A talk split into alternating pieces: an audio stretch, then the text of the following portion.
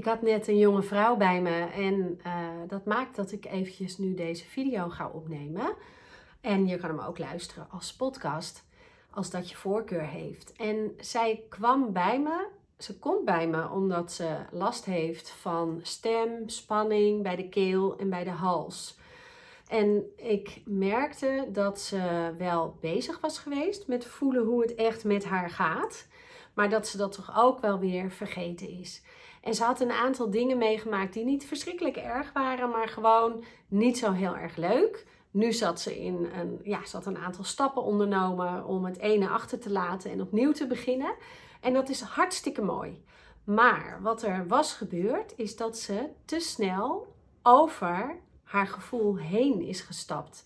Want er waren een aantal dingen hiervoor die niet leuk waren. En dat, dat doet me eraan denken dat ik dat zelf ook altijd deed.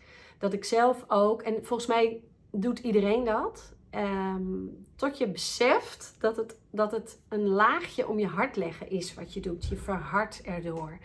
En wat we allemaal vaak doen, ik ben lekker aan het generaliseren, is dat we zeggen: Ah, komt wel goed. En uh, je bent toch gezond. En je bent nog een jonge meid. En het is toch mooi weer. Of uh, hè, is toch allemaal niet zo erg. Oh, maar moet je die en die zien? Die heeft het nog veel erger. Dat herken je misschien wel ook van je ouders, dat je dat altijd meegekregen hebt. Dus wat we geleerd hebben van jongs af aan, is om er overheen te stappen en heel snel op zoek te gaan naar positieve kanten, positieve punten. En dat is ook wel een beetje nu van ja, positieve mindset, positief denken. Dat is super fijn en super goed in plaats van depressief te worden en in een hoekje te gaan zitten wegkwijnen. Dat is niet wat ik wil.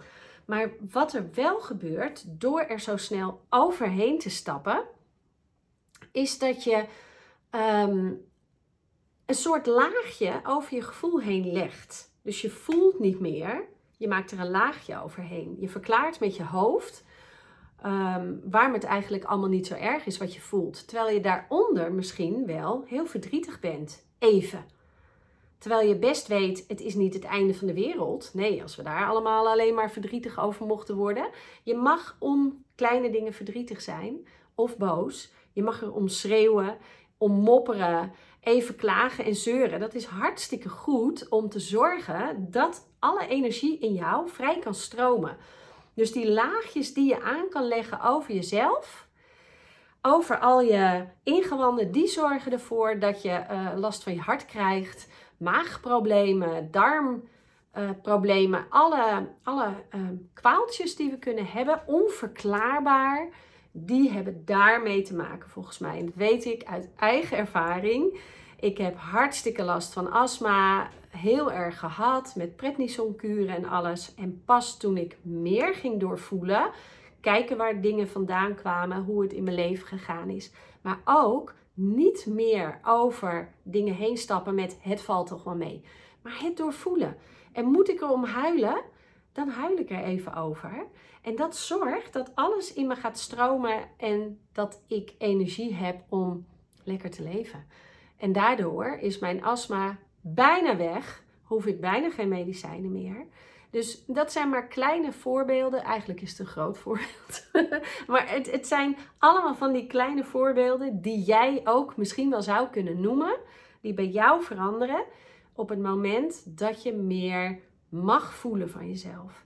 Dus ik zou het zo ontzettend gaaf vinden als je zegt, nou, ik ga dit jaar daarmee beginnen. Dus gebeurt er iets waarvan je ergens in je voelt en het werkt supergoed door te zeggen, ik doe een hand op mijn hart en een hand op mijn onderbuik en ik doe mijn ogen even dicht en ik keer even naar binnen. Wat voel ik bij welke beslissing er ook genomen wordt over jou of een beslissing die je zelf neemt, want die is nog moeilijker. Stel, je bent niet tevreden in je werk je zegt je baan op en je neemt een nieuwe baan. Uh, hartstikke leuk. Maar die andere, waar je verdrietig om was, ja, dan mag je best wel dat verdriet nog even voelen. En dan pel je ook weer laagjes af. Je omarmt het en het mag er zijn. Laat het er even zijn. Nou, ik ben super benieuwd of je dit herkent en of je dit de komende tijd eens even kan proberen. Met je verdriet zijn of je boosheid schreeuwen, het uiten. En ehm, het voelen, vooral het voelen.